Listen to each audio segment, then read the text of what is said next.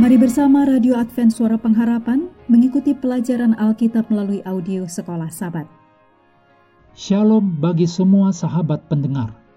Kabar baik bahwa kisah dan kesaksian terkait siaran dan pelayanan AWR Indonesia kini dapat diikuti secara berkala, baik melalui siaran harian Radio Advent Suara Pengharapan setiap minggu kedua dan keempat, juga melalui YouTube dan Facebook AWR Indonesia.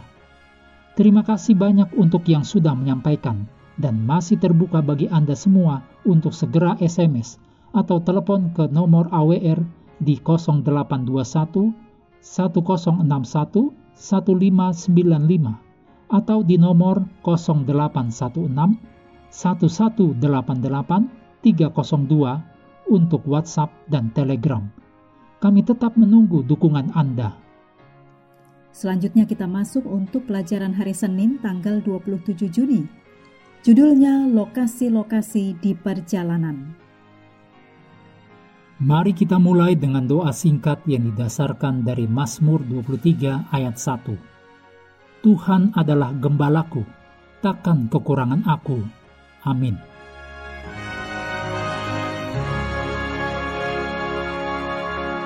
Ia menuntun aku di jalan yang benar oleh karena namanya. Mazmur 23 ayat 3 Bayangkan jalan yang benar yang dicatat dalam Mazmur 23 ayat 3 terbentang di depan Anda, jauh di depan. Anda tidak dapat melihat ujungnya, tetapi Anda tahu bahwa di ujung perjalanan ada rumah, rumah Allah.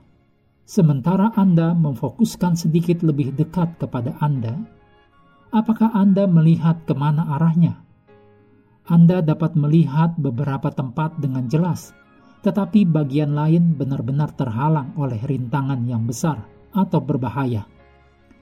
Terkadang jalan itu menghilang di atas punggung bukit. Beberapa bagian jalan itu mudah untuk dilalui, yang lainnya sulit.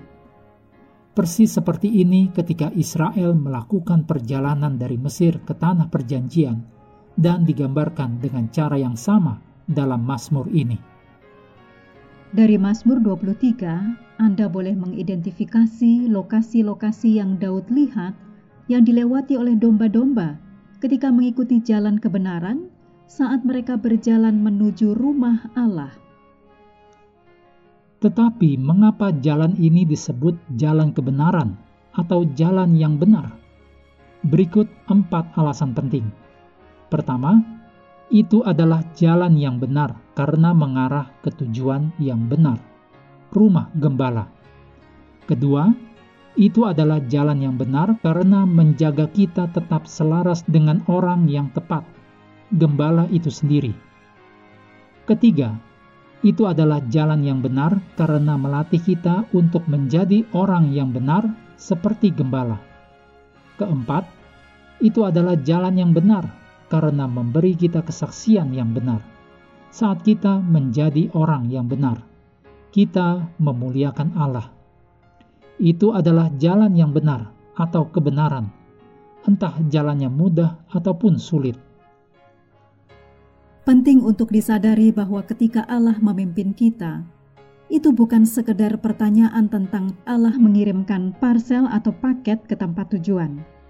Ini lebih dari sekedar bimbingan dan perlindungan seperti banyak contoh di seluruh Alkitab di mana Allah memimpin umatnya, apakah itu memimpin Abraham dengan janji-janjinya atau memimpin Israel dengan tiang api dan awan, ketika Allah membimbing, itu selalu tentang melatih umatnya dalam kebenaran. Seberapa sadarkah Anda bahwa kebenaran adalah prioritas gembala bagi hidup Anda? Pencobaan dapat mengubah hidup Anda sehingga Anda dapat mencerminkan karakter Kristus dengan lebih baik. Mengakhiri pelajaran hari ini, mari kembali kepada ayat hafalan kita Mazmur 23 ayat 3. Ia menyegarkan jiwaku, ia menuntun aku di jalan yang benar oleh karena namanya. Hendaklah kita terus tekun mengambil waktu bersekutu dengan Tuhan setiap hari bersama dengan seluruh anggota keluarga Baik melalui renungan harian, pelajaran sekolah sahabat, juga bacaan Alkitab sedunia, percayalah kepada nabi-nabinya. Yang untuk hari ini melanjutkan dari ulangan pasal 12. Tuhan memberkati kita semua.